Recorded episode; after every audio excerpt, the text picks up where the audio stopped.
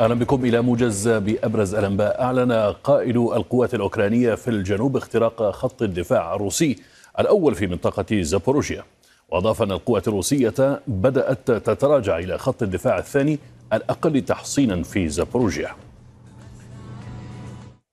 نقلت رويترز عن سلطات شبه جزيرة القرم المواليه لروسيا أن حركة المرور عادت إلى طبيعتها على الجسر الرئيسي بعد توقف قصير في وقت مبكر اليوم الأحد. ولم تذكر الإدارة المحلية سبب تعليق المرور.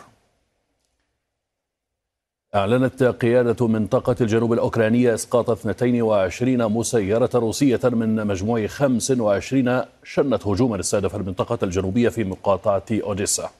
وقالت قيادة الجنوب إن الهجوم استهدف البنية التحتية لموانئ المقاطعة بينها تلك التي تستخدم لتصدير الحبوب.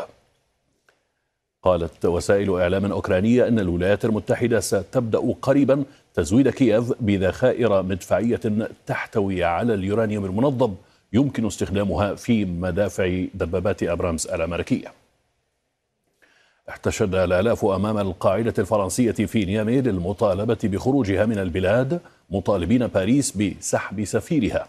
جاء ذلك بعد أن أقرت المحكمة العليا طرده فورا وإلغاء حصانته الدبلوماسية. هذا وقد دعا رئيس أركان الجيش الذي عينه قادة الانقلاب إلى الاستعداد لحماية البلاد من تهديدات إكواس بالتدخل العسكري. التقى وزير الدفاع وعضو المجلس العسكري في النيجر بالسفير الصيني لدى نيامي وقال التلفزيون الحكومي أن السفير الصيني أكد على موقف بلاده الداعم للنيجر.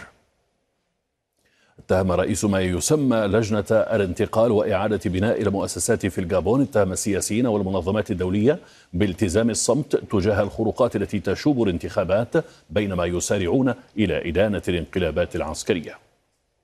أعلنت وسائل إعلام إسرائيلية إصابة 170 شخصا على الأقل في مواجهات بين الشرطة ومتظاهرين إريتريين من طالبي اللجوء في تل أبيب. وقال مراسلنا إن من بين الجرحى نحو 30 شرطيا. هذا وقال مكتب رئيس الوزراء الإسرائيلي إن نتنياهو قرر تشكيل فريق خاص لدراسة اتخاذ إجراءات ضد المتسللين غير الشرعيين الذين شاركوا في أعمال الشغب بما في ذلك إجراءات الترحيل. قال رياض الشايبي المستشار السياسي لرئيس حركة النهضة إن السلطات فرضت الإقامة الجبرية على رئيس مجلس شورى الحركة عبد الكريم الهاروني واعتبر الإجراء استهدافا للديمقراطية والحريات. من جهتها وصفت جبهة الخلاص القرار بالتعسفي. ختام الموجز إلى اللقاء.